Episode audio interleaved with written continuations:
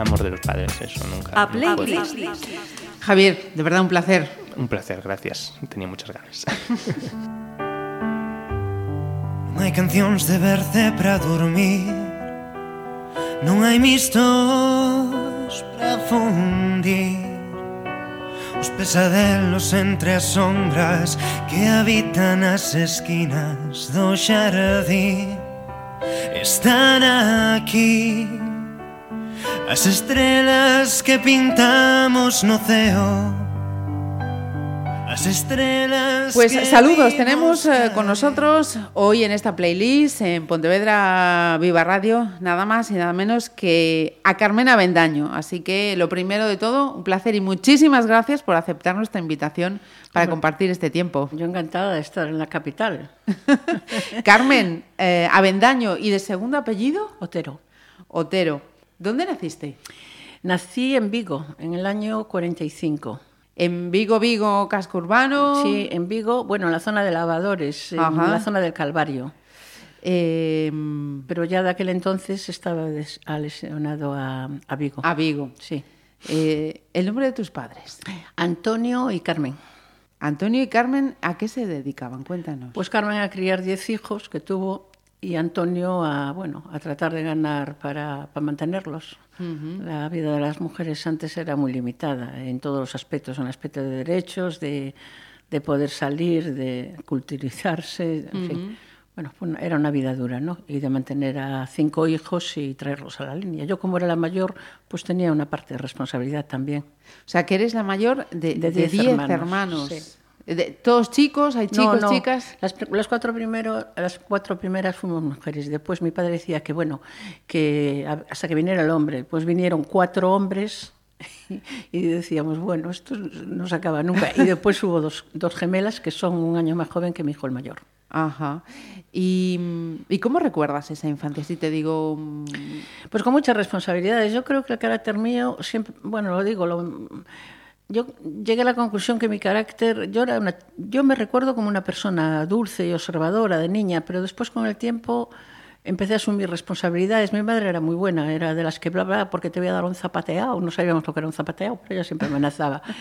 Pero después se le pasaba enseguida, ¿no? Entonces me tocó a mí siempre pues ser un poco la segunda, segunda madre, ¿no? Llegar a casa, hiciste los deberes, la habitación la tienes arreglada, tal. De hecho, de hecho mis hermanos todavía, pues cada vez que tienen alguna cosa así de novedad y tal, me llaman, ¿no? Me llaman, me llaman la matriarca, o sea, que es muy curioso, sí, sí. La matriarca. sí. Eh, ¿Dirías que mm, en, es- en esa tesitura eh, tuviste una infancia feliz? ¿Tienes un recuerdo feliz de tu infancia? Pues tengo una- un recuerdo de bastante responsabilidad, porque, no sé, porque eso, ser la mayor, mayor pues siempre de- trae problemas, ¿no? Pero, pero bueno, mm, tampoco tengo una... A ver, yo siempre tuve mucha responsabilidad. Recuer- el recuerdo que tengo es que al ser la mayor, pues Sí. salías con tus hijos y tal, o con tus hermanos a la calle y veías que eso, que que tenías que estar pendiente, que si cayó, que si se rompió la cabeza con un chichón, Sí. bueno, ese tipo de historias. Entonces yo creo que tuve que asumir responsabilidades, incluso sin yo querer, ¿no? De alguna manera forzado por ser la mayor. Ajá. Vamos a hacer una parada musical. Tu primera selección eh, es de un grupo español de los años eh, 80, Duncan Du, y la canción En algún lugar. ¿A qué te lleva? Pues son todas bastante románticas. De aquel entonces éramos románticos, ¿no? Incluso en las relaciones de pareja y de... Bueno, teníamos ahí un- una visión diferente. Yo ahora veo que la gente es mucho más desinhibida, es, mm, se relaciona chicos y chicas con mucha más normalidad. Antes no, antes éramos grupos de, de chicas y grupos de chicos y bueno, cada uno tenía lo que, bueno, pues lo que los, la- incluso las relaciones eran un poco así escondidas y demás. O sea, es dif- era diferente totalmente. De todas formas, yo me gustaría haber vivido esta época. ¿eh? ¿Sí? Sí, sí.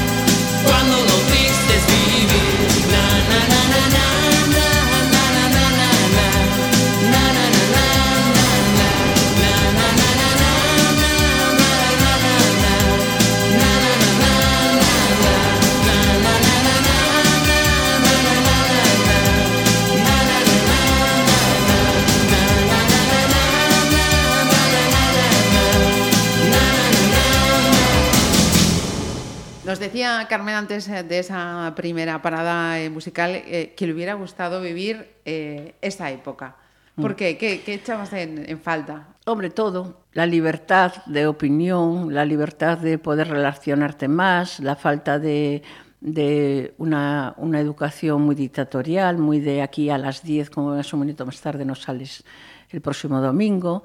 Ese tipo de historias. Yo veo ahora a mis, bueno, mis hijos ya se educan de otra forma, lógicamente, pero a mis nietas, ¿no? que ya tengo nietas la mayor tiene 30 años y bueno, son chicas que se han relacionado, que está- estuvieron en la universidad, cosa que yo no pude acceder porque mi padre decía, no, no, si alguno va a la universidad tiene que ser un chico y los chicos ninguno fue a la universidad.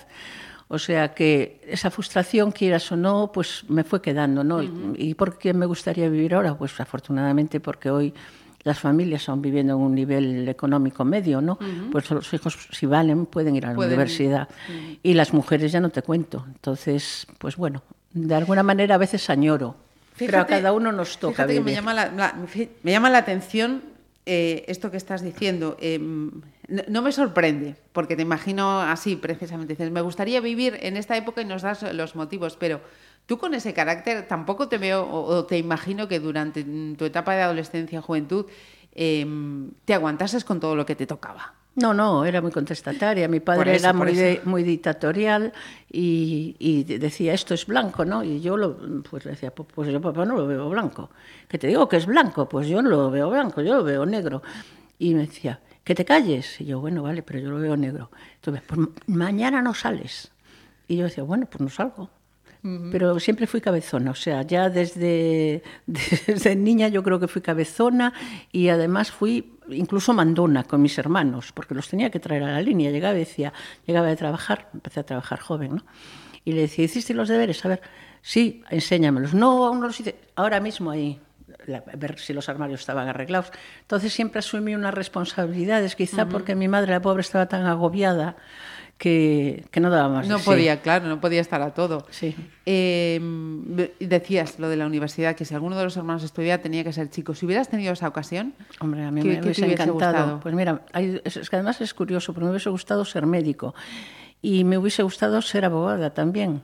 Las dos cosas, quizá mi trayectoria ya de madurez y tal, trabajé mucho con gente, bueno, de prisiones y, y son dos, dos tipos de oficio que, que me hubiese gustado estudiar. Lo que pasa, bueno, yo soy también muy chaponita, ¿sabes?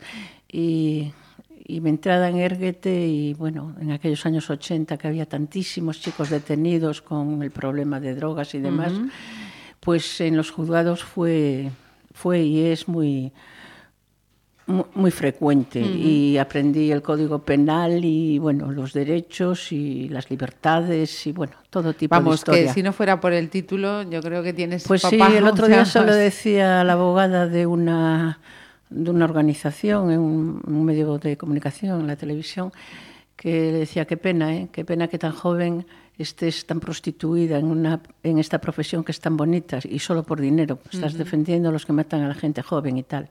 Pues sí, la verdad es que sí, me hubiese gustado. Hablabas que habías trabajado desde, desde joven. Sí. Eh, ¿Cuándo y dónde empezaste, Carmen?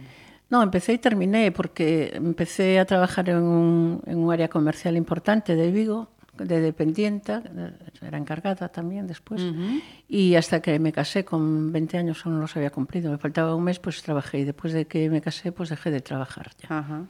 ¿Y, y qué hacía una jovencita de, de Po- aquella época, esos ratos libres? ¿Dónde Pues ibais? ¿Qué hacíais? Pues me venía a buscar mi novio, que es, que es Jaime, que era Jaime, y nos íbamos a pasear, íbamos a dar una vuelta por el Castro, nos sentábamos en aquellos bancos, nos, daban unos, nos dábamos unos besitos, tal, siempre había algún espía detrás de los setos.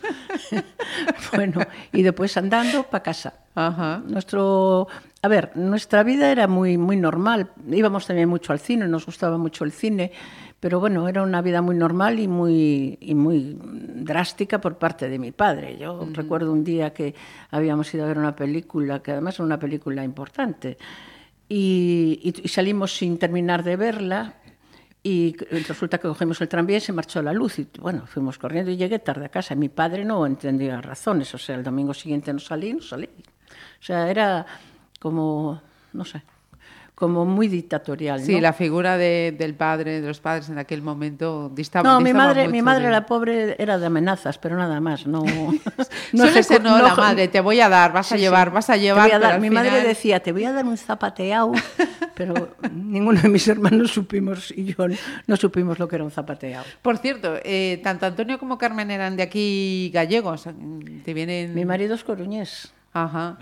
Me refiero a tus Ah, padres. Ah, mi padre, no, mi madre era extremeña. Ah, ¿ves? Mi madre era extremeña, de madre salmantina y de padre madrileño. Y Ajá. ella nació en Extremadura porque mi abuelo era, era ferroviario. Y después de, de Cataluña, bueno, pues ah, fusilaron a, a un hermano de mi abuela y un hermano de mi abuelo. Y a mi abuelo lo castigaron y lo mandaron para Vigo.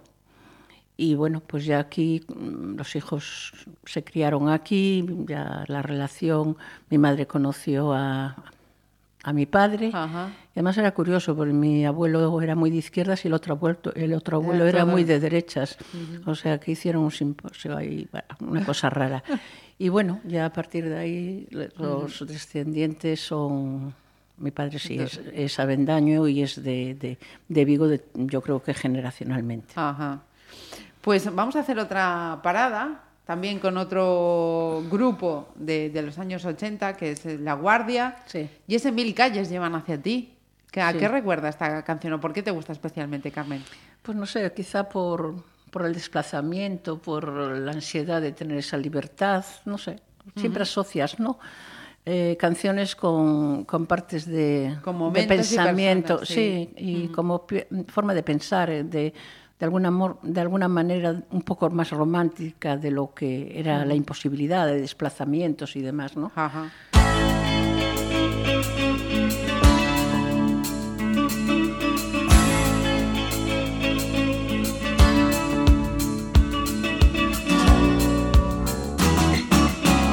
Mil calles llevan hacia ti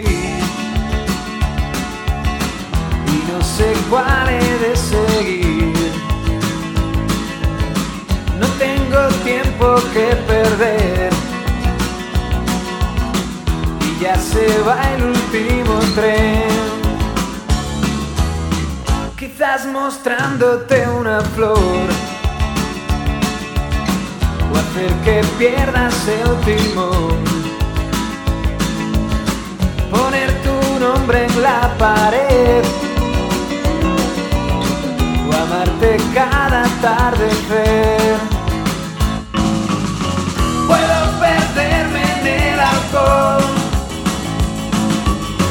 Y dibujar un corazón. Fingir que existe alguien más que ahora ocupa tu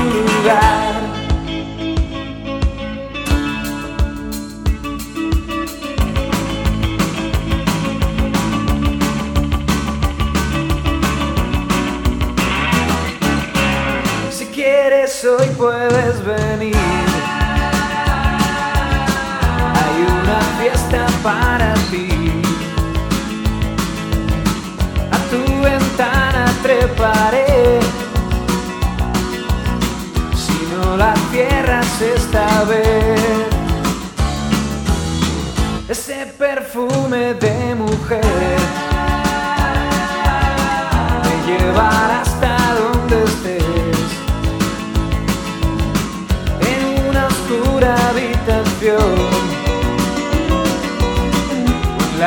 guarida del león.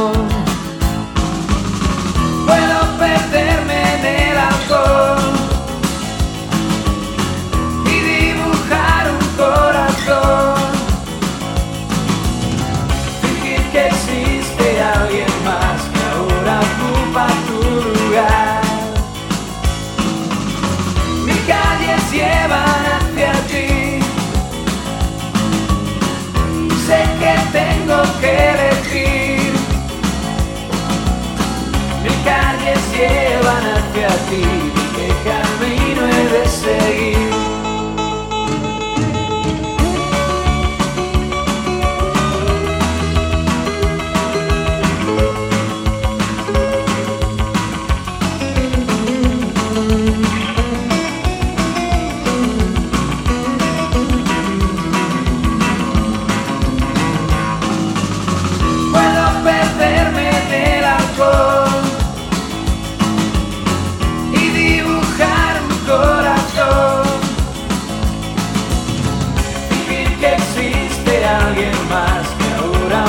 Ocupa tu lugar.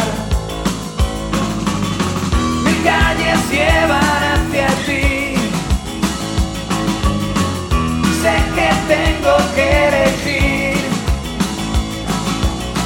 Mis calles llevan hacia ti, ¿qué camino he de seguir? Nos había dicho Carmen que a los 20 años se casó, pero cuéntanos, eh, ¿cómo conoces a Jaime, que por cierto también nos acompaña aquí hoy? ¿Cómo lo conociste? Pues mira, lo conocí, lo conocí por una tercera persona, una amiga mía y Jaime, sus padres inauguraban la casa y entonces hicieron una fiesta, ¿no? Así para la gente joven. Pues Jaime invitó a sus amigos y, y a mí una amiga común que era vecina de Jaime me dijo, vente, que dijo, yo no voy. Bueno, pues nos conocimos allí un 12 de, de octubre, el Día del Pilar, me acuerdo perfectamente. Y ya, bueno, pues empezó la relación, pues eso fue hace muchísimos años, creo que hace como 54 años o 55, o sea que muchos años. Fíjate, eh, hablabas de las generaciones de, ahora, esa libertad. Yo creo que, que no un porcentaje demasiado elevado de, las parejas de ahora aguantan 54 años. Bueno, porque son más radicales. hoy, eh, Bueno, la, la vida cambió. Y digo, aguantan, ¿eh? Sí, Que ya... Sí, no, bueno, hay que aguantar. Cuando llevas muchos años aguantas y nos aguantamos mutuamente, porque no no tenemos nuestros defectos, ¿no? Pero lo que pasa es que la gente hoy es menos condescendiente. Las mujeres hoy son también más independientes, afortunadamente. ¿eh? Entonces, antes muchas veces los matrimonios no funcionaban pues porque la mujer no tenía medios de poderse mantener, ella y sus hijos, ¿no? Y muchas veces las circunstancias, aún a veces siendo dolorosas, porque hablan de los malos tratos ahora, pero antes es que era sintomático, los malos tratos. Lo que pasa es que se ocultaban, incluso se justificaban. Yo recuerdo de gente que maltratada que iba a la, a la comisaría, ¿no? Y decía, es que vengo porque mi marido me dio una paliza y tal. Venga, venga, si se le dio una paliza sería por algo, váyase para su casa.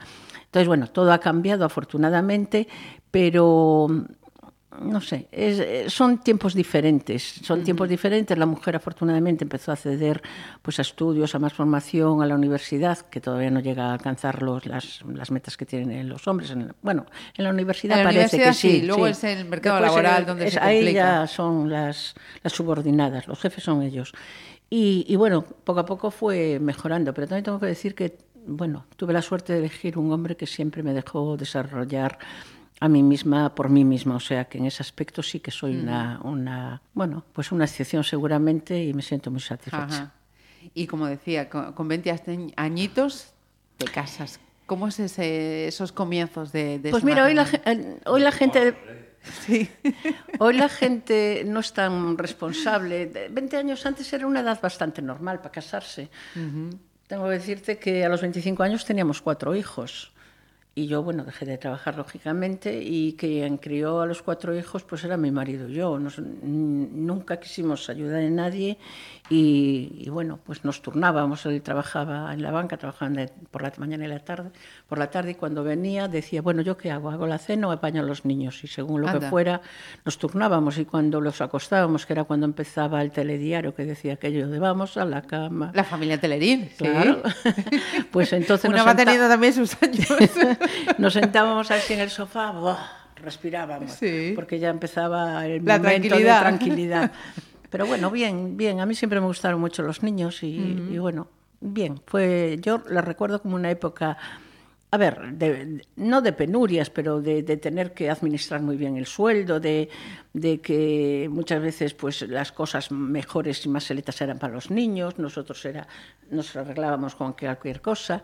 Bueno, haciendo sacrificios mutuos. Él también colaboró siempre en la, en la educación y en, Ajá. y en la atención a los hijos. Es una época bonita, una, boni- una época bonita hasta que empezaron a tener la adolescencia, que entonces ya vienen ahí complicaciones y demás, pero realmente lo recuerdo con mucho cariño esa época. Cuatro hijos, decías. Cinco, Eh, cinco. Cinco. Lo que pasa es que el quinto nació cuando el más pequeño tenía siete años. Es un poco, digamos, que salió fuera de, de la norma, ¿no?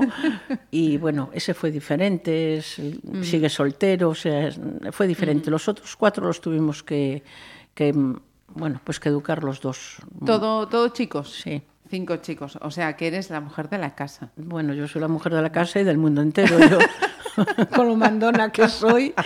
Sí, bueno. Sí, a mí, de todas formas, te voy a decir una cosa. Ahora, con el tiempo, quizá, mm, digo, pues, si tuviéramos una, una hija y tal, pero a mí siempre me gustaron mucho más los hombres que las mujeres. Sí. Sí, sí, no sé por qué, pero me gustaban más los hombres que las Ajá. mujeres. Bueno, pues deseo cumplido en ese, en ese Sí, caso. sí, pero hoy a lo mejor pues me hubiese gustado a lo mejor también tener Una- alguna hija Bueno, o las, dos. las nietas seguro que compensan. Bueno, sí, sí. Además tengo dos nietas muy, bueno, muy estudiosas, muy cariñosas y, y muy dinámicas y, y- y muy liberadas. Ajá. Todo junto. Sí. Pues vamos a hacer otra parada que también nos lleva a, a La Guardia, si no me equivoco, y con un título además muy optimista, Cuando brille el sol. Por eso, por eso está en esta, en esta lista. Bueno, hubo, hubo temporadas en nuestras vidas duras, muy duras, porque, bueno, pues eso, después de haberlos educado como creíamos que era lo mejor, en los años 80 llega el problema este de la droga, ¿no? Y nuestro segundo hijo entra en ella y, bueno, fue una época, pues, la verdad es que muy dura y muy dura y difícil de llevar, ¿no? Pero también tengo que decir que ahí estuvimos siempre, él y yo, y los otros hermanos que no tenían problema también peleando y Tirando. luchando. Sí, pero fue muy duro. Yo lo recuerdo como la época más dura de toda mi vida. Entró en prisión, lo mandaban para afuera y bueno, una, una desgracia. Vamos a quedarnos con, con esa parte de luz, Carmen. Sí, con el mejor. título precisamente de, de la canción, Cuando brille el sol.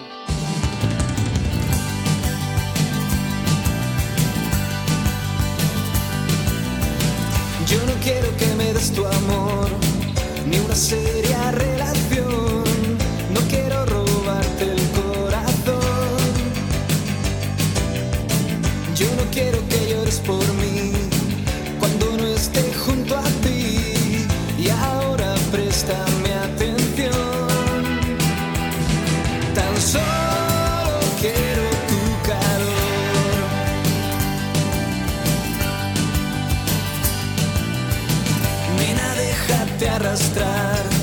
Esta noche nunca acabará. No tengas miedo a despertar. No me busques en el viejo bar, ni me sigas al andar.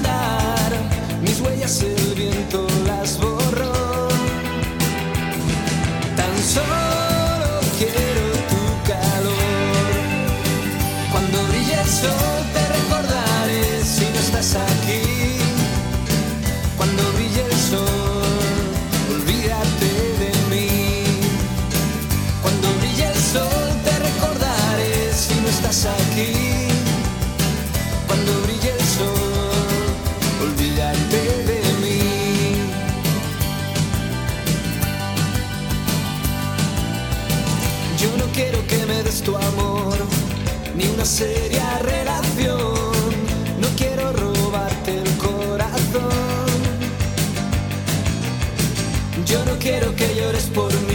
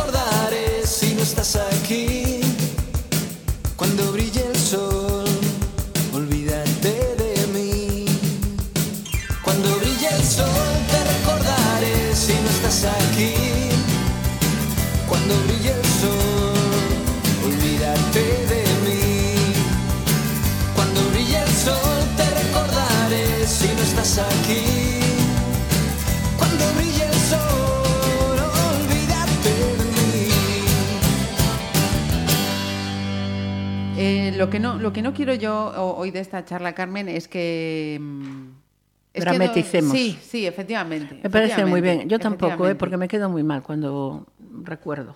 Em, fíjate, yo, yo pensaba, mm, ¿cómo, ¿qué preguntar de nuevo a esta, a esta mujer cuando mm, es una, una persona que está Pública, pública. efectivamente en, en la palestra? Han hecho una película sobre ti. Sí.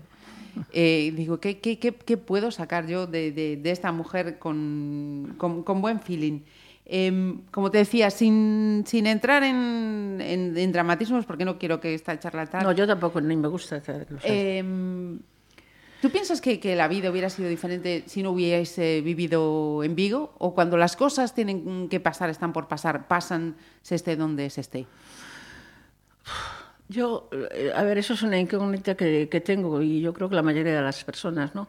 Muchas veces piensas, bueno, pues eh, yo es que mi, mi proyecto era diferente, nosotros educamos a nuestros hijos. Eso fue una, es una frustración también, ¿no? El ver cómo los ejemplos y, pues de alguna manera quedan desvirtuados por, un- por acciones, ¿no? Y eso es difícil de asumir. Es difícil de asumir, pero bueno, hay que asumirlo y además hay que echarle pecho. Entonces, bueno, la vida, mi madre y mi abuela siempre decía, ay, hija mía, qué mala suerte tienes y tal.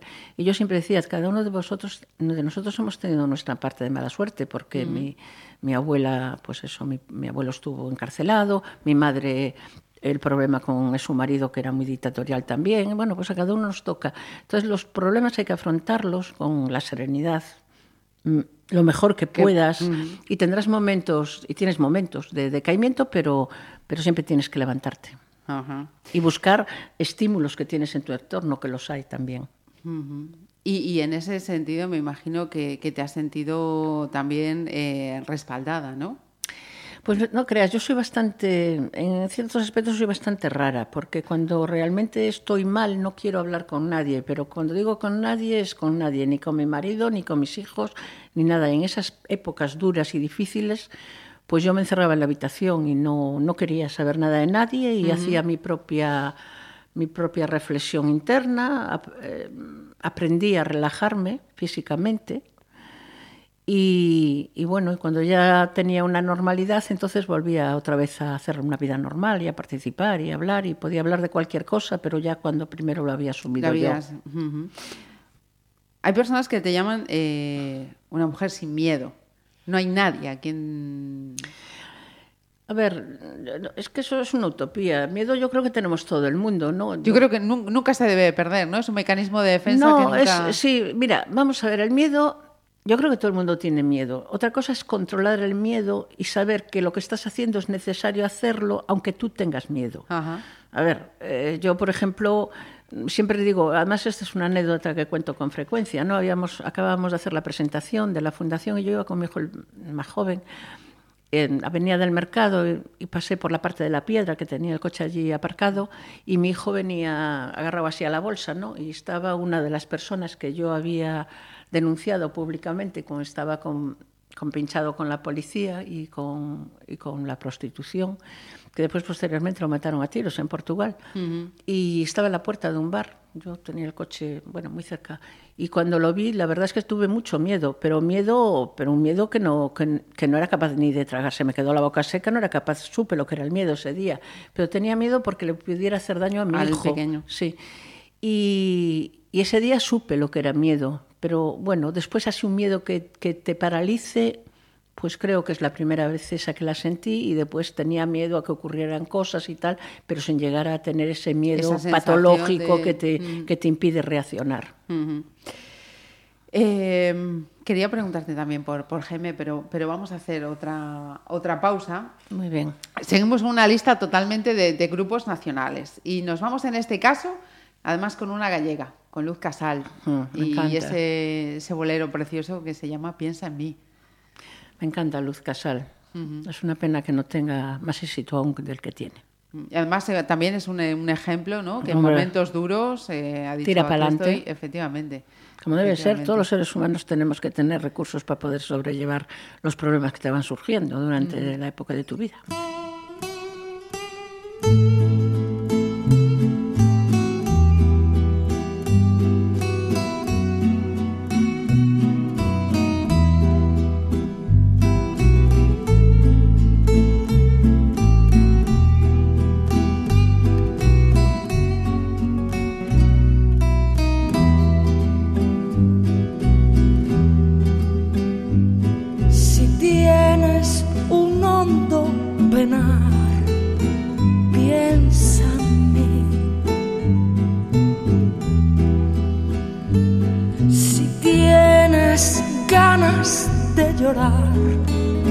Piensa en mí.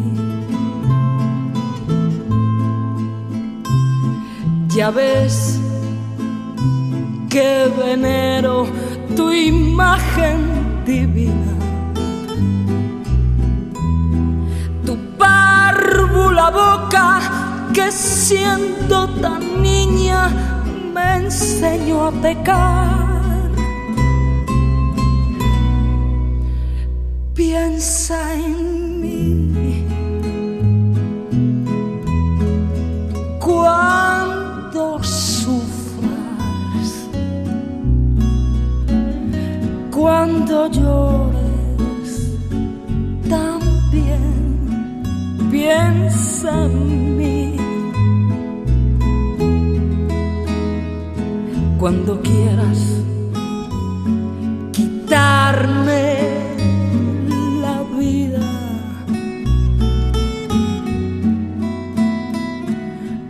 quiero para nada, para nada me sirve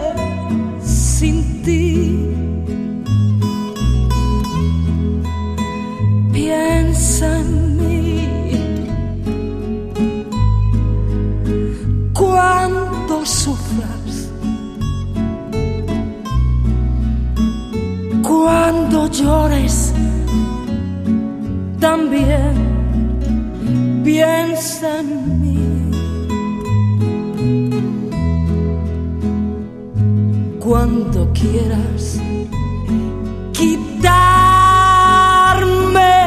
la vida, no la quiero para nada, para nada me sirve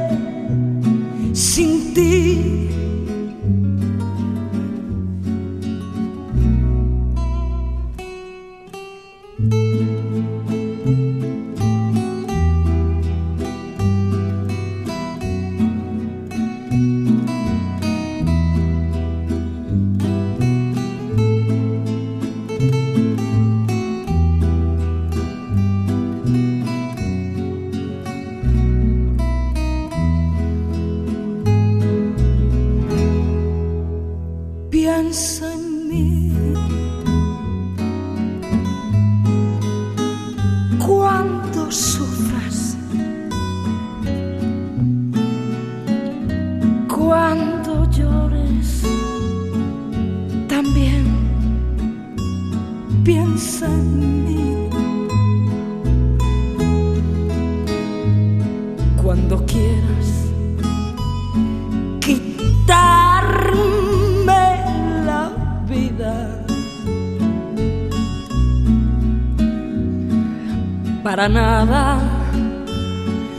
para nada me sirve sin ti.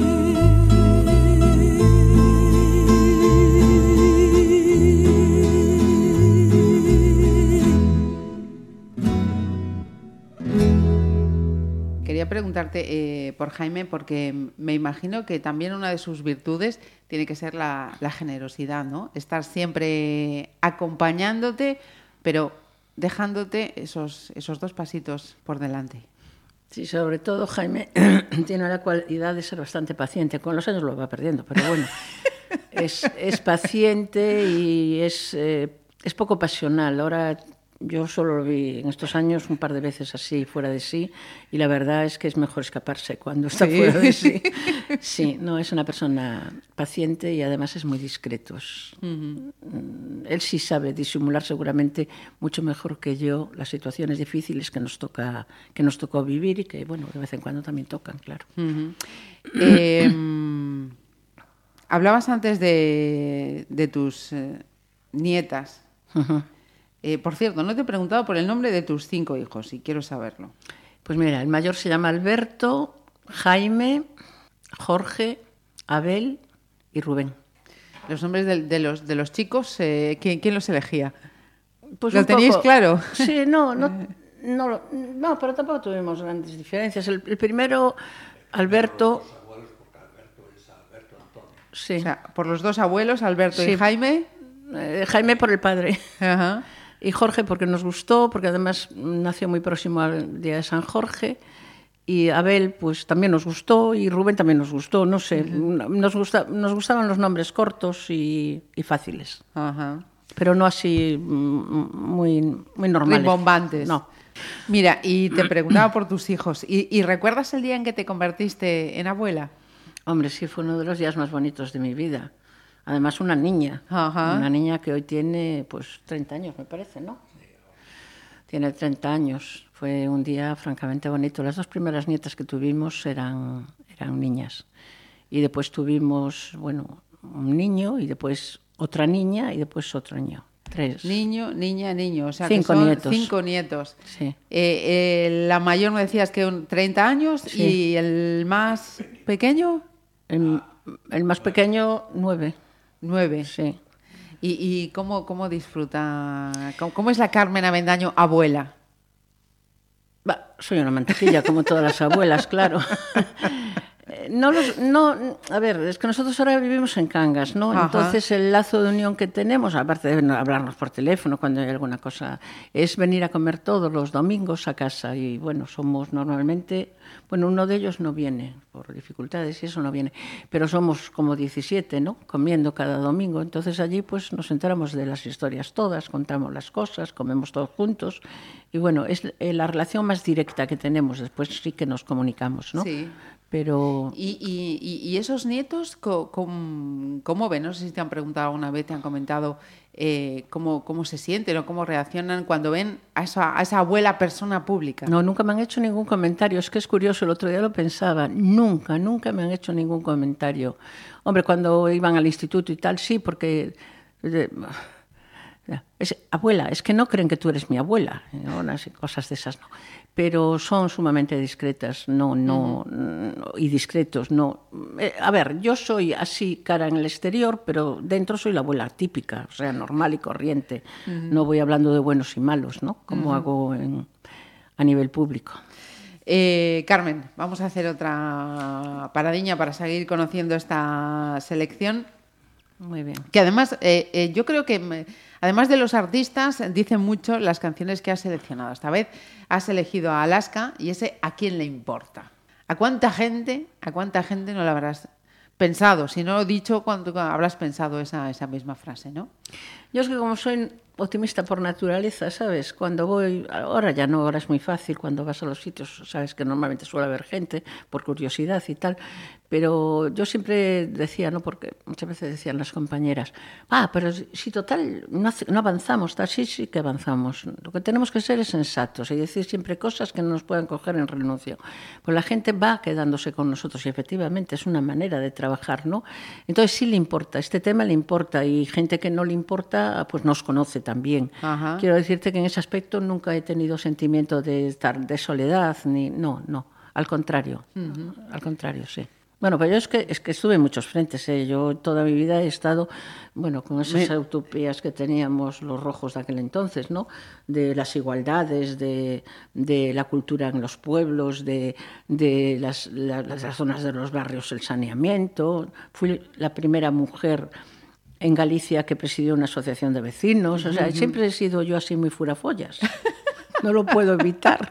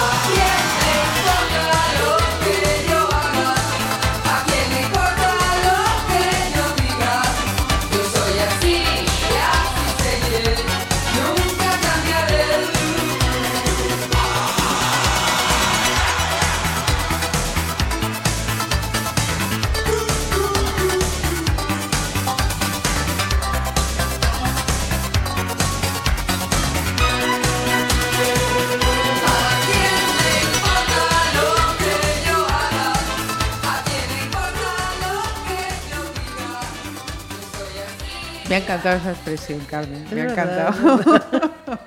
pues eh, fijaos eh, que ha sido pionera en ese sentido, pero también ha sido eh, mujer activa en la, en la política, eh, concretamente en las filas del PSOE. Eh, ¿Mantienes esa militancia a día, Sí, día sí, de sí. hoy? Lo que, no mantengo, lo, que, lo, lo que no mantengo es la actividad dentro de la política, porque, bueno, pues porque ya a estas alturas tampoco. Pero sí, tengo el carnet de, de militante desde que pudimos hacernos en, en Vigo, ¿no? Eh, militantes ya desde el principio y me voy a morir con él, lo tengo clarísimo. Ajá. Lo que pasa, y soy de izquierdas, pienso sobre todo en la línea de, de las igualdades, ¿no? Es donde más me, me motiva, en las igualdades en todos los aspectos, en el acceso a la educación, a la, a la sanidad, a, bueno, a la dignidad Ajá. etcétera, etcétera.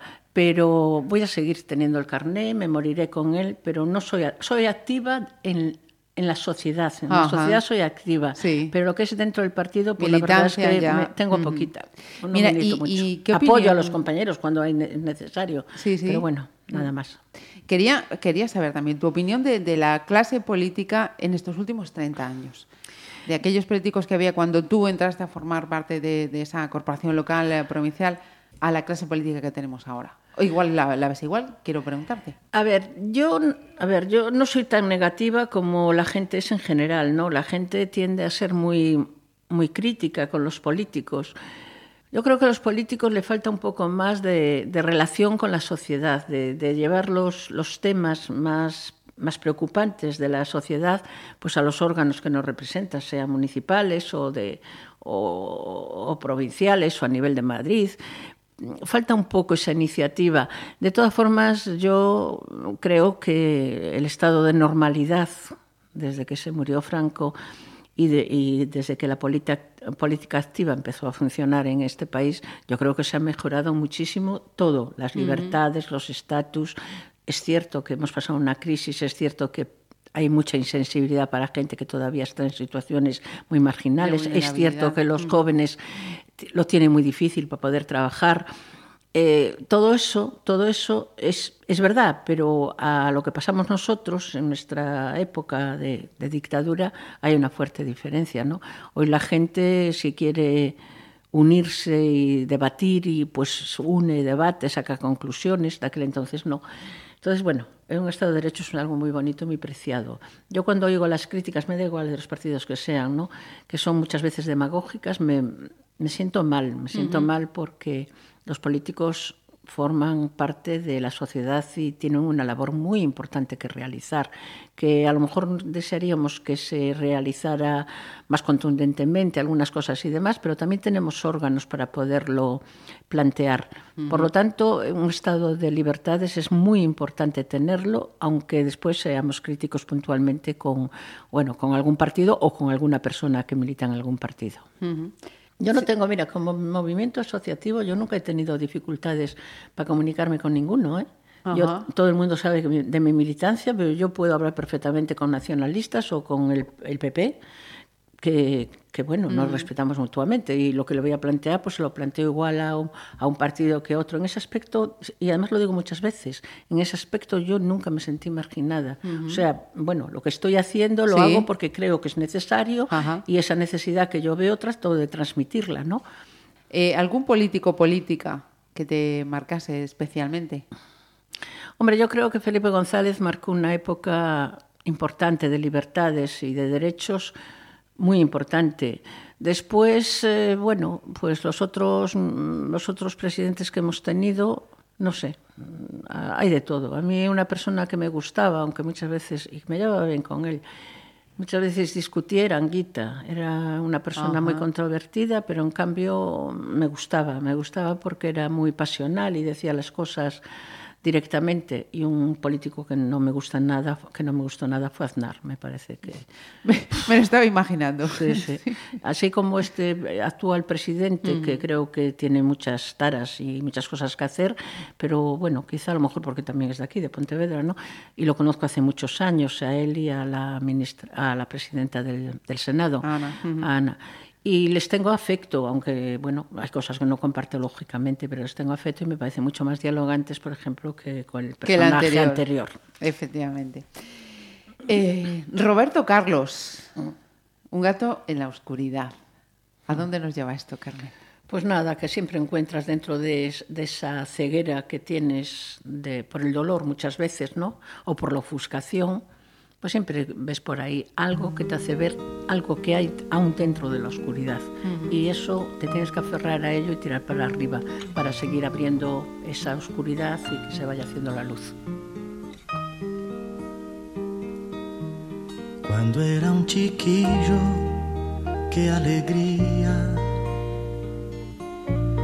Jugando a la guerra, noche y día. Saltando una verja, verte a ti. Y así, en tus ojos, algo nuevo descubrir. Las rosas decían que eras mía y un gato me hacía compañía.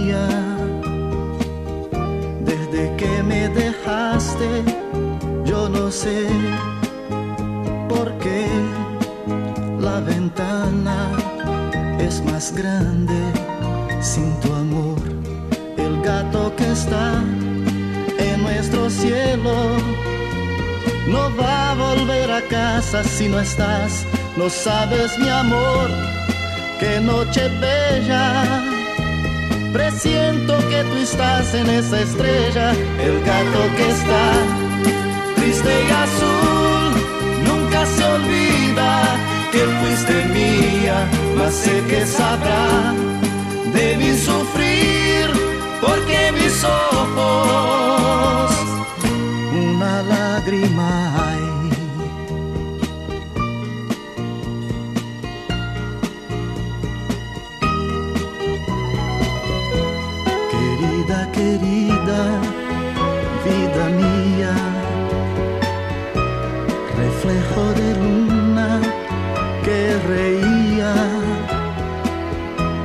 Si amar es cerrado, culpa mía, te amé en el fondo, que es la vida, no lo sé.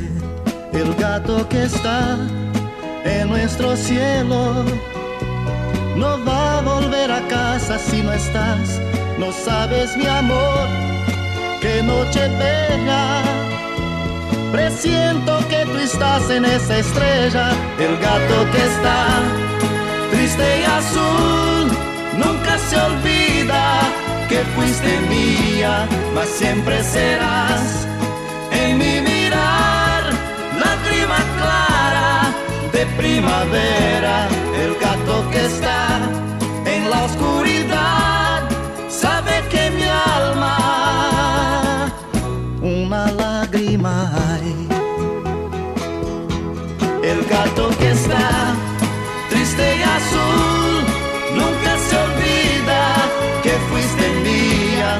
siempre serás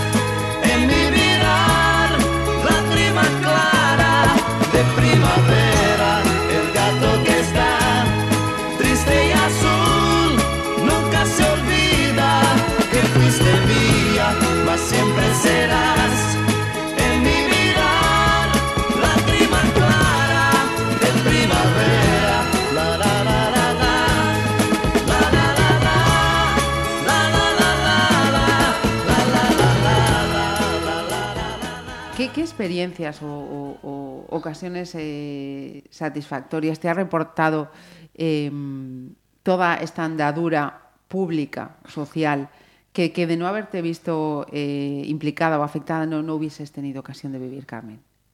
Seguramente buscaría otra, otra forma, pero ya te digo que yo soy así muy... Inquieta. Sí, muy inquieta y, y muy de buscar que hay que mejorar y todas esas cosas, ¿no? Pero me siento muy... es- eh, Además estuvimos en unas jornadas ahora en Coruña hace nada, unos días. Estaba Juste, el director general de instituciones penitenciarias, al, que cono- al que conozco de muchísimos años, decía, coño, Carmen, ¿cuánto tiempo hace que nos conocemos? Yo, Sí. ¿cuánto te casqué? eh?".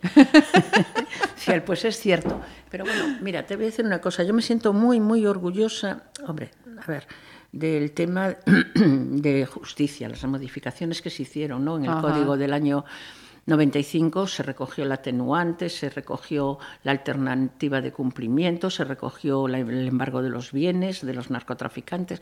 Todo eso fue a nuestra a petición nuestra y además Sí. con todos los grupos parlamentarios. ¿no? Y después me siento también muy orgulloso de que, mm, bueno, las cárceles no solucionan muchas veces las historias. Sí, Desgraciadamente la cárcel es sacar a un individuo molesto de la sociedad, Mm. ¿no?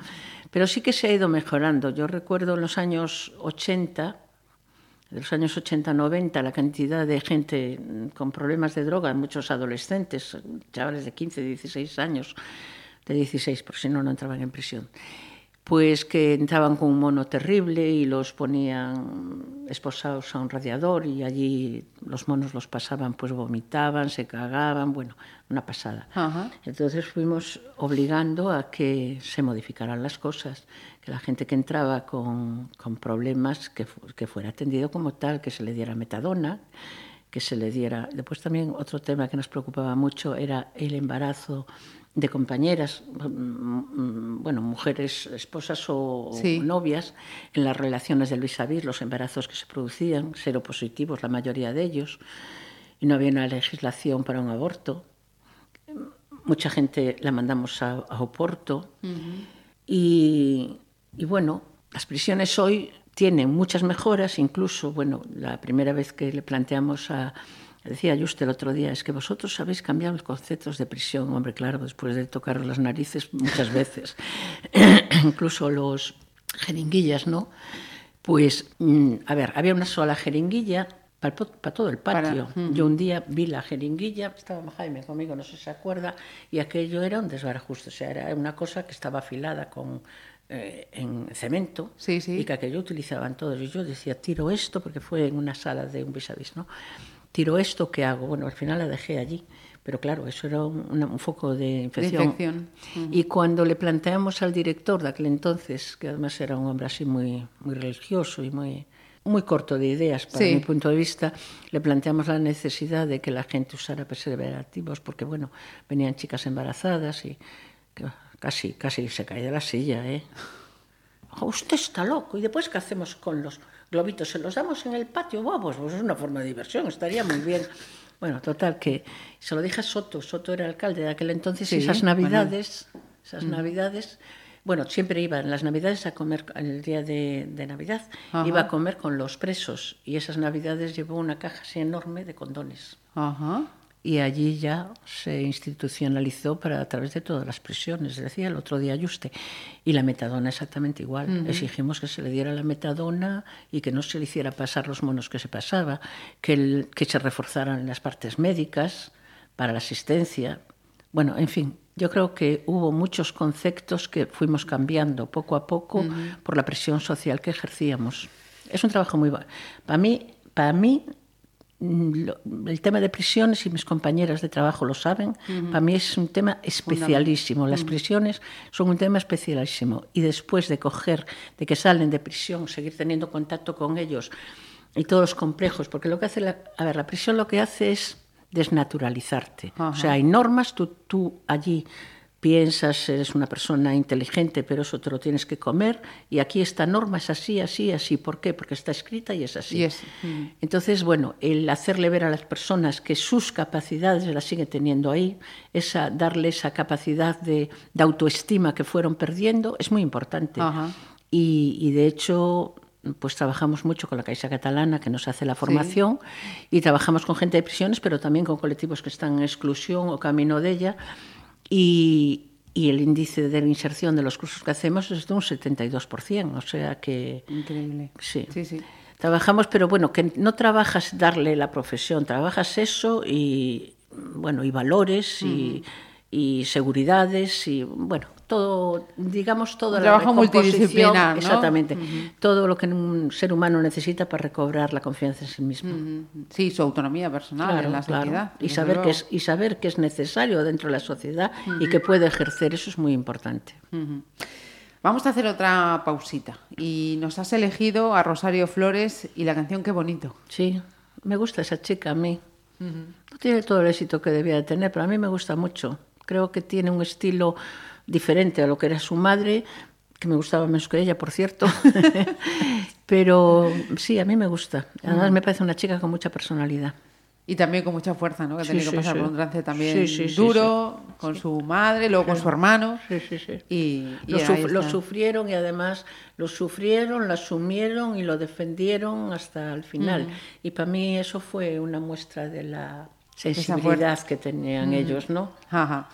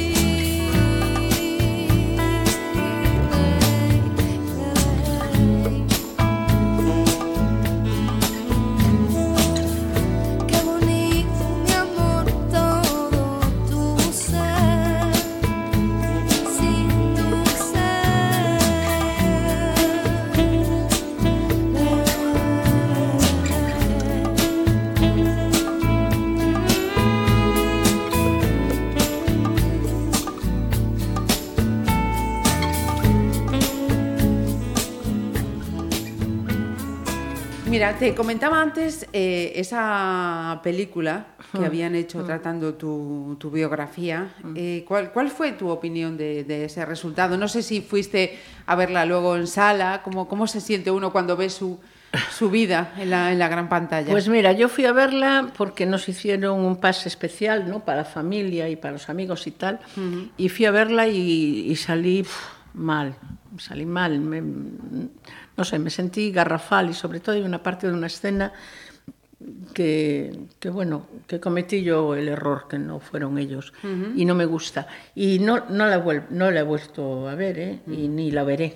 A, mí- Yo- a mí yo no personalmente veo- mi, mi impresión era que era una película muy oscura, daba como un- una, Sí, una sensación de, de- de- Sí, de agobio, de sí, eso, oscuridad y, y A mí no, agobiaba, agobiaba. no, me, no me gustó, y bueno, se lo dije ¿no? a Gerardo, como tampoco me gusta la serie, bueno, no la sigo. El primer capítulo que vi de Fariña estos días, que estaba yo en la emisora, me preguntaron y dije, pues mira, este primer capítulo, yo no sé cómo será el resto, que no lo estoy viendo, pero a mí no me estáis describiendo a Galicia, esto parece Colombia. Nosotros eh, teníamos el problema, pero esa agresividad y esa forma de, de fuerza y de arma y demás, francamente no la teníamos. ¿eh? Entre ellos sí tenían sus historias, eh, se secuestraban por bueno, historias así, pero esa violencia no. O sea, El tema, cuidado, hay que tratarlo con cariño. A mí la película no, o sea, no me gusta y además me desagrada. No es que Sí, no me sí. guste, es que me desagrada. No la veo porque me desagrada.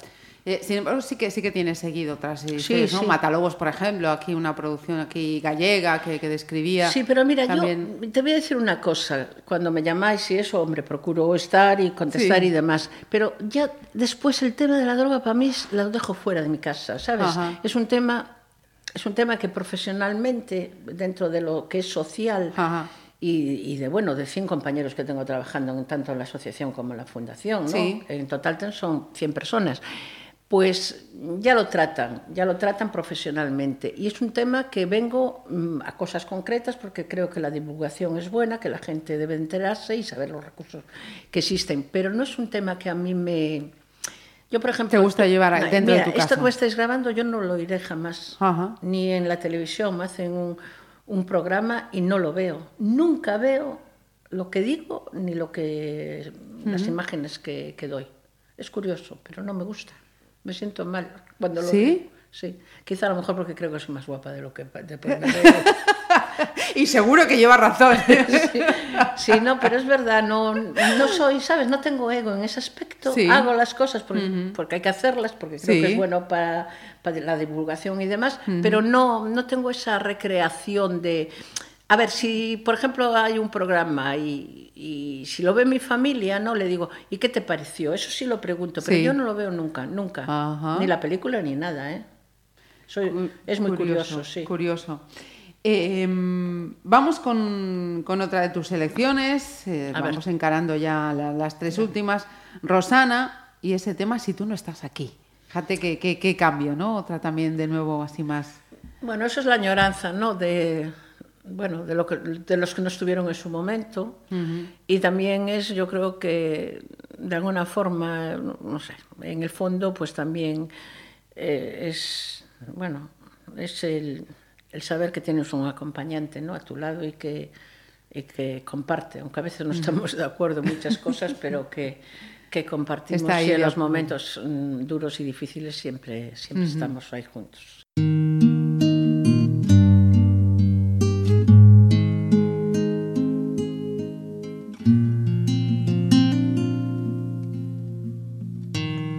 No quiero estar sin ti. Si tú no estás aquí, me sobra el aire. No quiero estar así. Si tú no estás, la gente se hace nadie. Si tú no estás aquí, no sé qué diablos hago amándote.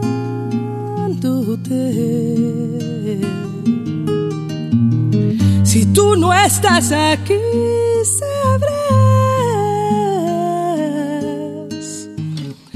que Dios no va a entender por qué te vas.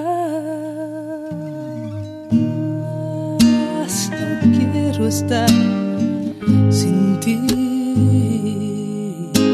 Si tú no estás aquí, me falta el sueño.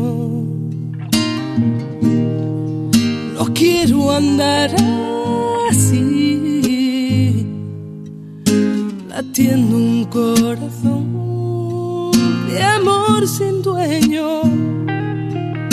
Si tú no estás aquí,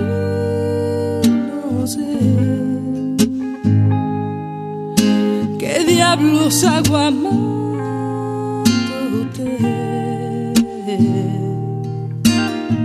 Si tú no estás aquí, sabrás que Dios no va a entender por qué te vas. Derramaré mis sueños si algún día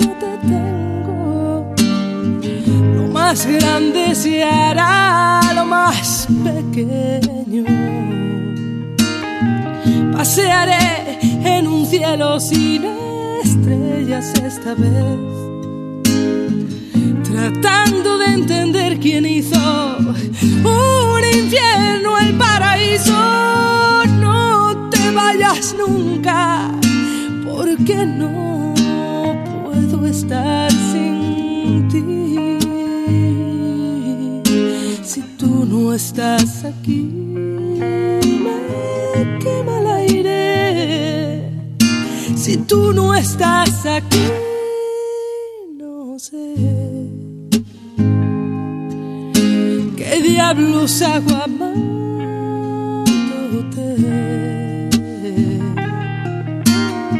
Si tú no estás aquí,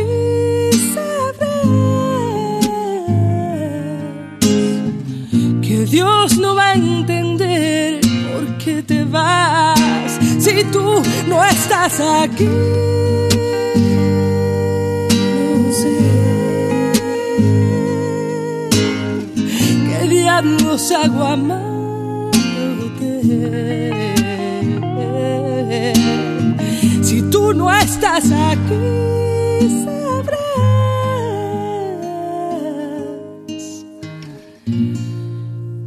que Dios no va a entender por qué te vas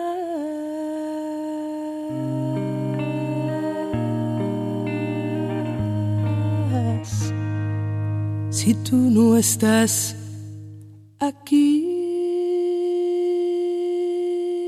Eh, fíjate que mm, comentabas antes eh, que, que no veías eh, esta serie porque me parecía que era Colombia. Yo, yo estos días me, me llamaba la atención eh, informaciones que están saliendo de la situación que están viviendo, por ejemplo, en Cádiz, ¿no? También con, Eso es terrorífico. con el tráfico. Escuchaba a un agente de policía como decían que, que no habían podido detener a un, a un traficante porque eran los vecinos de ese barrio al que, al que se dirigió los que atacaron a, a los agentes para defender a los, a los narcotraficantes. Mira, eso lo llevo yo denunciando hace pues 30 años. La pasividad con que re- reacciona la sociedad es francamente preocupante. Pero también hay que analizar los porqués. O sea, es gente que vive igual que vivía mucha gente de aquí con lo del tabaco, es gente que vive de, de eso también porque no hay industria, porque hay muchas carencias de muchas, Sociales, de muchas cosas. Entonces mucha gente se mete a ello, pero no es que sea un espíritu de, a ver, de, de, de, de estar contra la ley, sino un medio de vida. Mm, Subsistencia. De subsistencia, efectivamente, esa es la palabra. Entonces, eh, yo lo he criticado muchas veces. Es más, a Mena, que es el presidente de las asociaciones de Andalucía, que ahora ya hace tiempo que no lo veo, pero bueno, siempre se lo digo, siempre le digo, Mena, es que vosotros, claro, es que la gente está en contra, pero tú, vosotros tenéis la obligación de concienciar del daño que se está haciendo y tal y cual. No, ahora empezó a salir un poco. Y, y esa raíz de que yo siempre estoy mm, cascando Sí, por ahí. pinchando Entonces, ahí. la gente, claro, la gente no se da cuenta, pero eso también nos pasaba a nosotros aquí. Cuando empezaron estos mm, a reconvertir unas, bueno, el tabaco por otro tipo de historias, pues los hijos de los vecinos iban a las descargas. Y tú te llegabas a Villa García o a cualquier pueblo de los alrededores a dar una charla y decías, pues vosotros nos dais cuenta que vuestros hijos terminan cayendo porque les pagan en especies también, aparte de dinero y tal. Y eso se fue La gente se fue dando, dando cuenta, pero en Andalucía no. En Andalucía está la gente muy a favor porque ven una forma de dinero y ante un, un- ante un sistema que no le da para cubrir en muchos casos sus necesidades. O sea, yo no veo la parte del narco que existe, el explotador, que es Sí. el que existe, pero lo justifico el de la sociedad por una serie de carencias. Ahí los estados tenían, son, son, zonas de riesgo y tienen que invertir y estudiar mucho más la situación y buscar soluciones para la sociedad, que no tengan que depender de un trabajo que está destrozando a la, a la gente joven sobre todo y que están recociendo a gente que no tiene escrúpulos. También. Y ahí veo- yo veo mucha pasividad, mucha.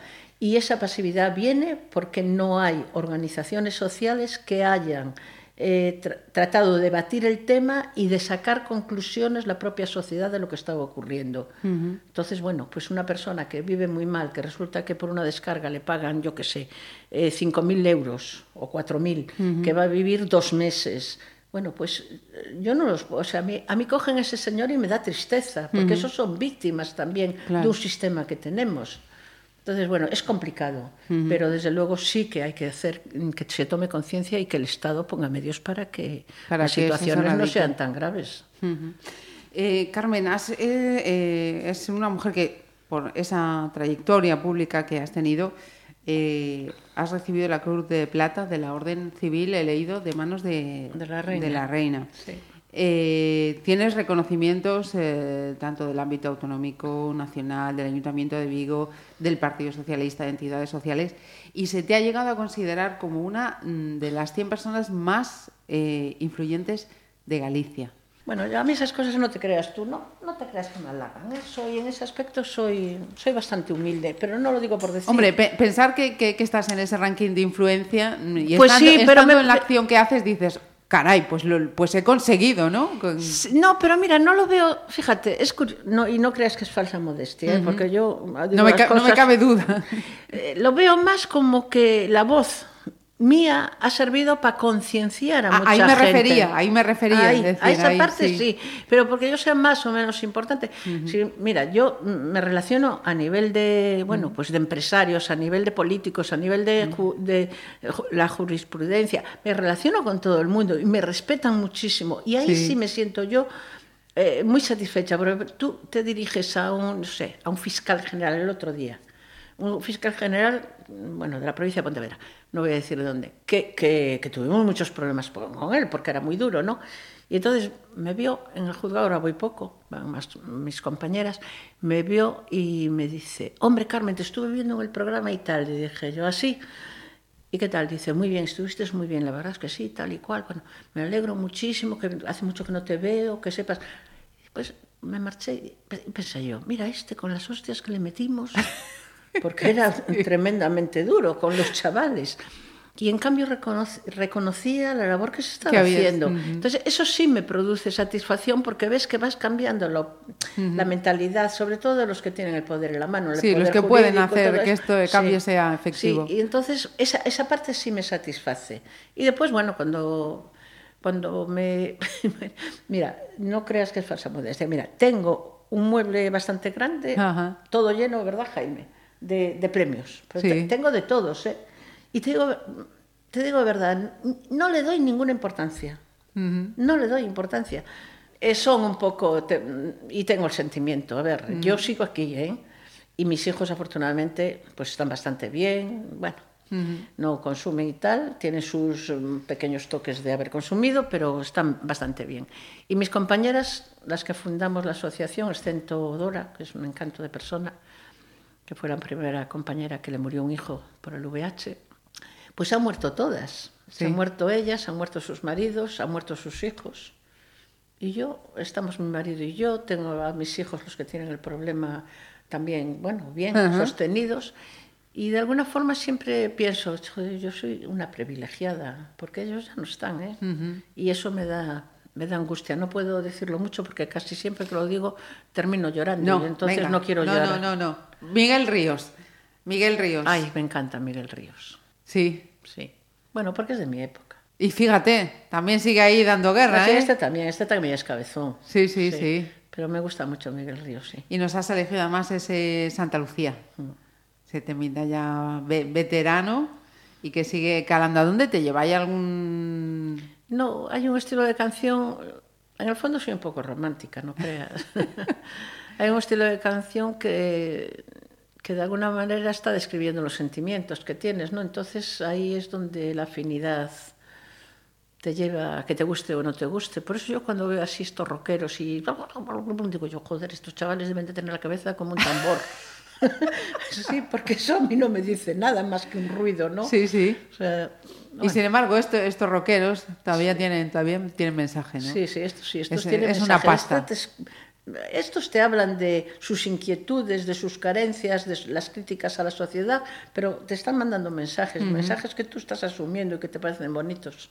Pues venga, vamos soy con Miguel muy Ríos. romántica, yo en el fondo soy muy romántica. De dura poco.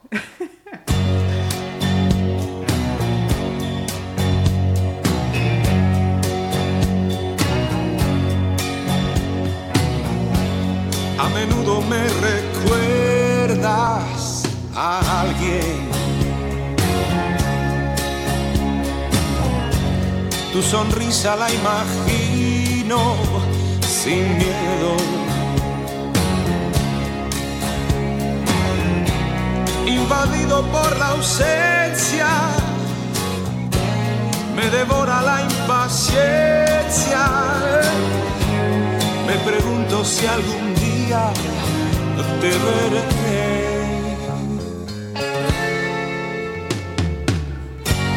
Ya sé todo de tu vida y sin embargo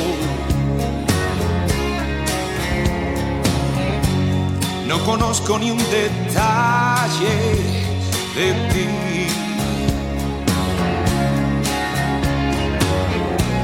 El teléfono es muy frío,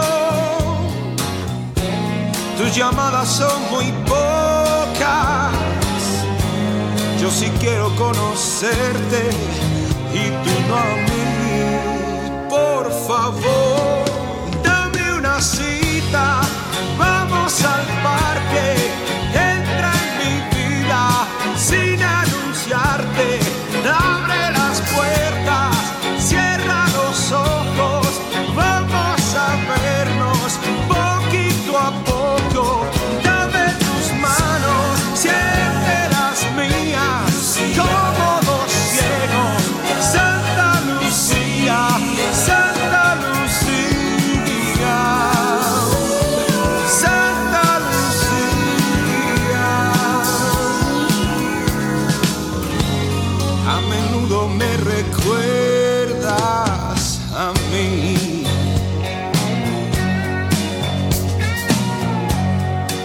primera vez pensé, se ha equivocado.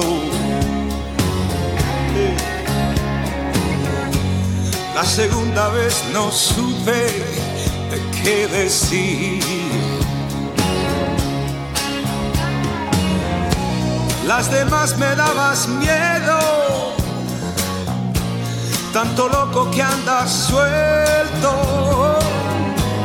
Y ahora sé que no podría vivir sin ti. Por favor, dame una cita, vamos al parque, entra en mi vida sin anunciarte.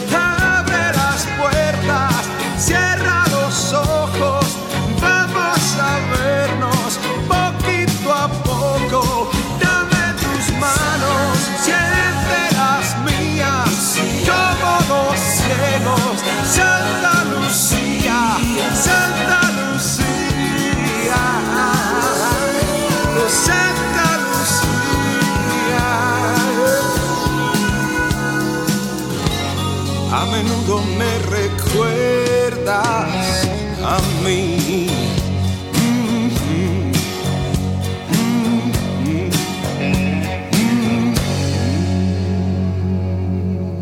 Nos decías que te trasladaste, os trasladasteis a vivir a, a Cangas.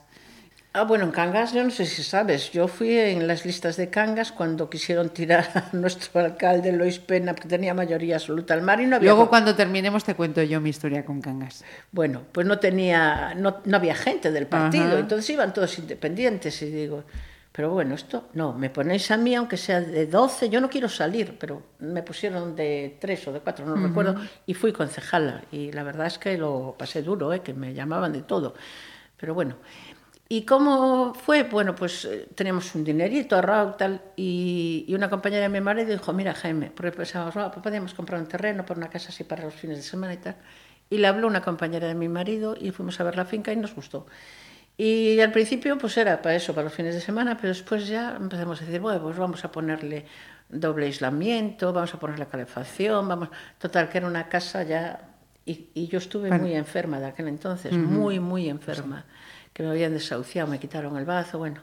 Y yo creo, siempre digo, a mí Cangas me curó, porque es tan soleado y, ¿sabes?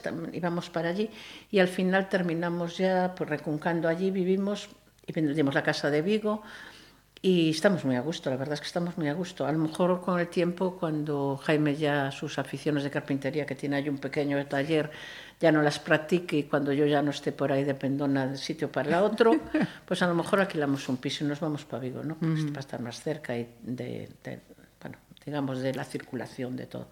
Pero estamos muy contentos de estar en Cangas. Y, y de la gente de Cangas también. Sí, ¿eh? sí, Que sí, Es una sí, gente sí. majísima. Sin duda, Lo que pasa es que son alguna. bravos como tosios. Cuando se enfadan, se enfadan. Es ¿eh? gente del morrazo, Sí. que imprime carácter. Sí, sí, es verdad. Tiene, pero hay que saberlos. Con... Mira, la gente es que eh, al final les coges mucho afecto porque son muy temperamentales. Oh, papá, papá, papá, te, te cuentan allí, te ponen a parir, tal y cual. Los dejas hablar para que se desfogue. Y después dices, bueno, ahora falo eu, eh? e non me interrumpas. Entonces tú le, le razonas y dices, bueno, pensando ben, a lo mejor te razón. Sí, entonces, a ver, es una forma de ser. Es un, yo siempre digo que las mujeres de Cangas son muy bravas porque tuvieron que pelear mucho, porque sus maridos se emigraron, su- ellos llevaban las cargas, ellas iban a, a, a coger el, el marisco, ellas iban Sostenían, sostenían la, la, la la casa. familia. sí. Y, y entonces, bueno, eso imprime carácter, ¿no? Pero, pero es una gente maja y solidaria, además. Sin duda solidaria. alguna. Sin duda, sin duda alguna. Toda Yo, me- la- yo toda estoy muy a gusto, ¿eh? te lo digo de verdad que estoy, mira que después de las que tuve, que ya te digo, me ponían como un perejil, me llamaban de todo, menos bonita de todo. Pero en cambio, bueno, todo el mundo me habla, yo hablo a todo el mundo y, y les tengo, le tengo afecto y me siento muy a gusto allí, Pues mire, ya tenemos otra, otra, cosa, otra cosa en en común. común, ¿no? Bien. Y para, para terminar, yo no, no- te veo, no te veo fuera de la actividad en ningún momento. Tú, guerrera hasta el último momento. Y creo que es algo inevitable, inherente ya en Carmen. Pues mira, hoy por la mañana le decía a Jaime, mira, ya estoy harta, ¿eh? voy a dejar todo. Decía, ¿qué vas a dejar todo? Te conoce ya bien, Jaime. No, yo creo que lo que tiene miedo es que lo deje y esté todo el día en casa. Porque, no, yo soy muy rosmona, ¿eh? Y soy muy inquieta y soy muy crítica y, bueno, supongo que estaré mejor fuera para él que estando todo el día juntos. Pero, a ver, a veces sí me siento ya un poco agobiada, me siento un poco agobiada. Lo que pasa es que como como soy así de comprometida, siempre hay algo que te hace mm, Seguir. El, el seguir. Te llaman, ah, jefa, es que mira, cualquier cosa, ¿no? De bueno, vale. Pues que tenías que ir tú, porque bueno, pues vale, voy. Entonces, al mismo tiempo, quiero y no quiero. Y lo mismo me pasa con el fútbol. Ajá. El fútbol me, me está gustando y muchísimo. Bueno, y ahora que están peleándose un presidente y el otro, oh, no te quiero decir nada.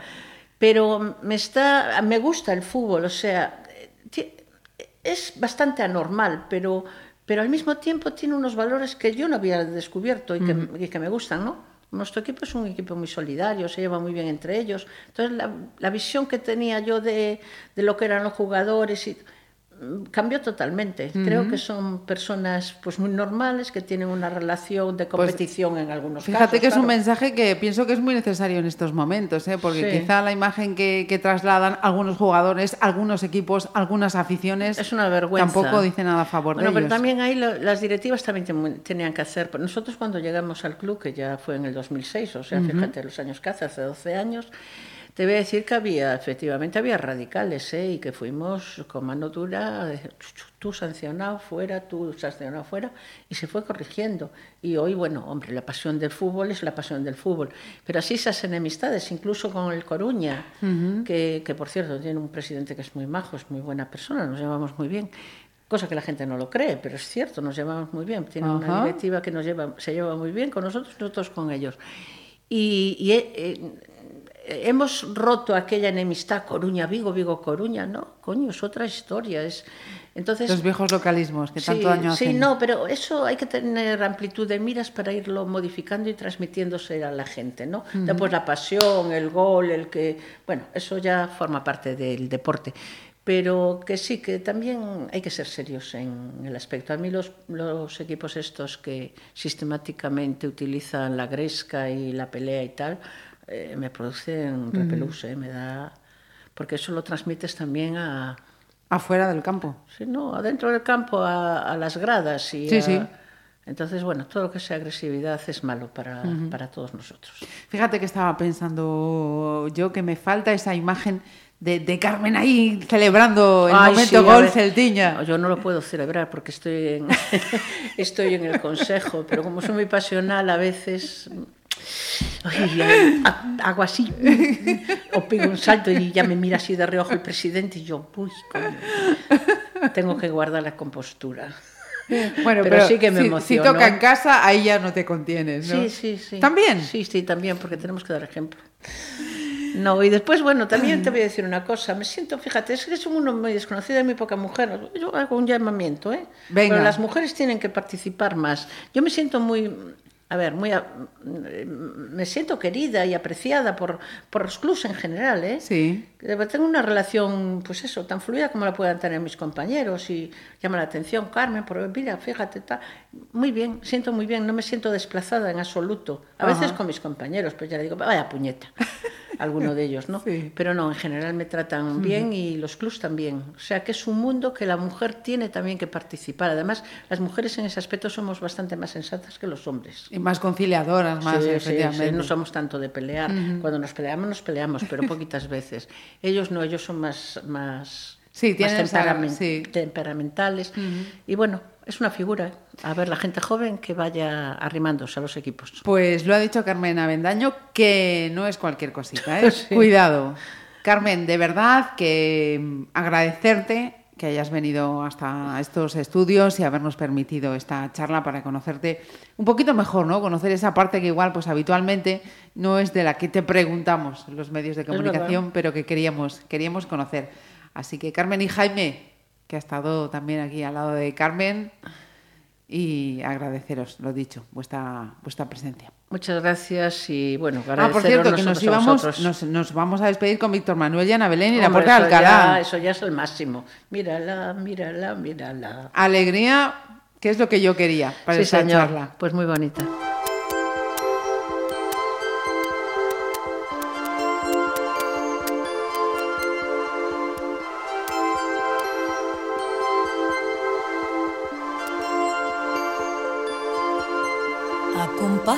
Mi sombra por la avenida, mis pasos se pierden entre tanta gente.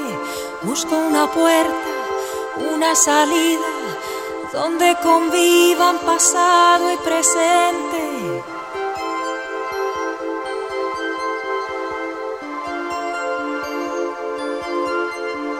De pronto me paro, alguien me observa, levanto la vista y me encuentro con ella. Y ahí está,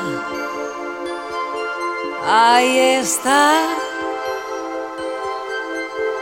Ahí está, ahí está viendo pasar el tiempo, la puerta de Alcalá.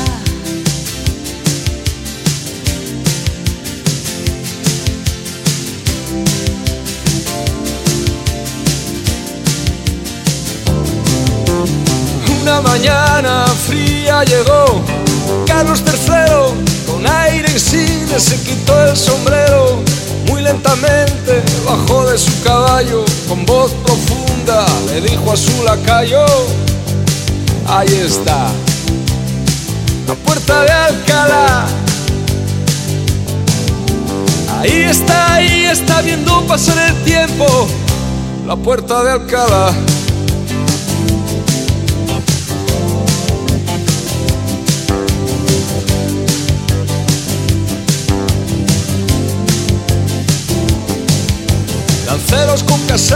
monarcas de otras tierras, fanfarrones que llegan inventando la guerra, milicias que resisten bajo el no pasará, y el sueño eterno como viene se va, y ahí está,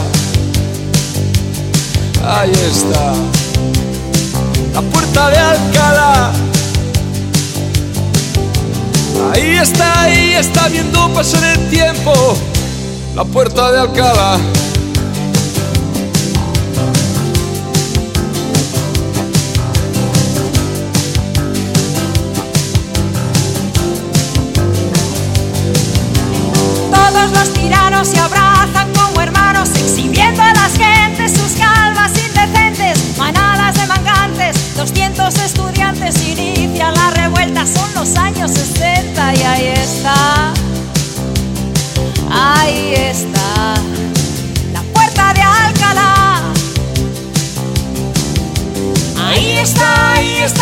Pasar el tiempo, la puerta de Alcalá. Un travesti perdido, un guardia pendenciero, pelos colorados, chichetas en los cueros, rockeros insurgentes, modernos complacientes, poetas y colgados, aires de libertad. Y ahí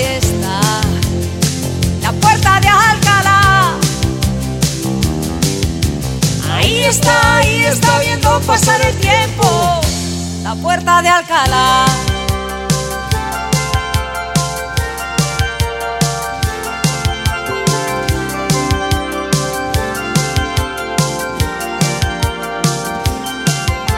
La miro de frente y me pierdo en sus ojos. Sus arcos me vigilan, su sombra me acompaña. No intento esconderme, nadie la engaña. Toda la vida pasa por su mirada. Mírala, mírala, mírala, mírala, mírala. La puerta de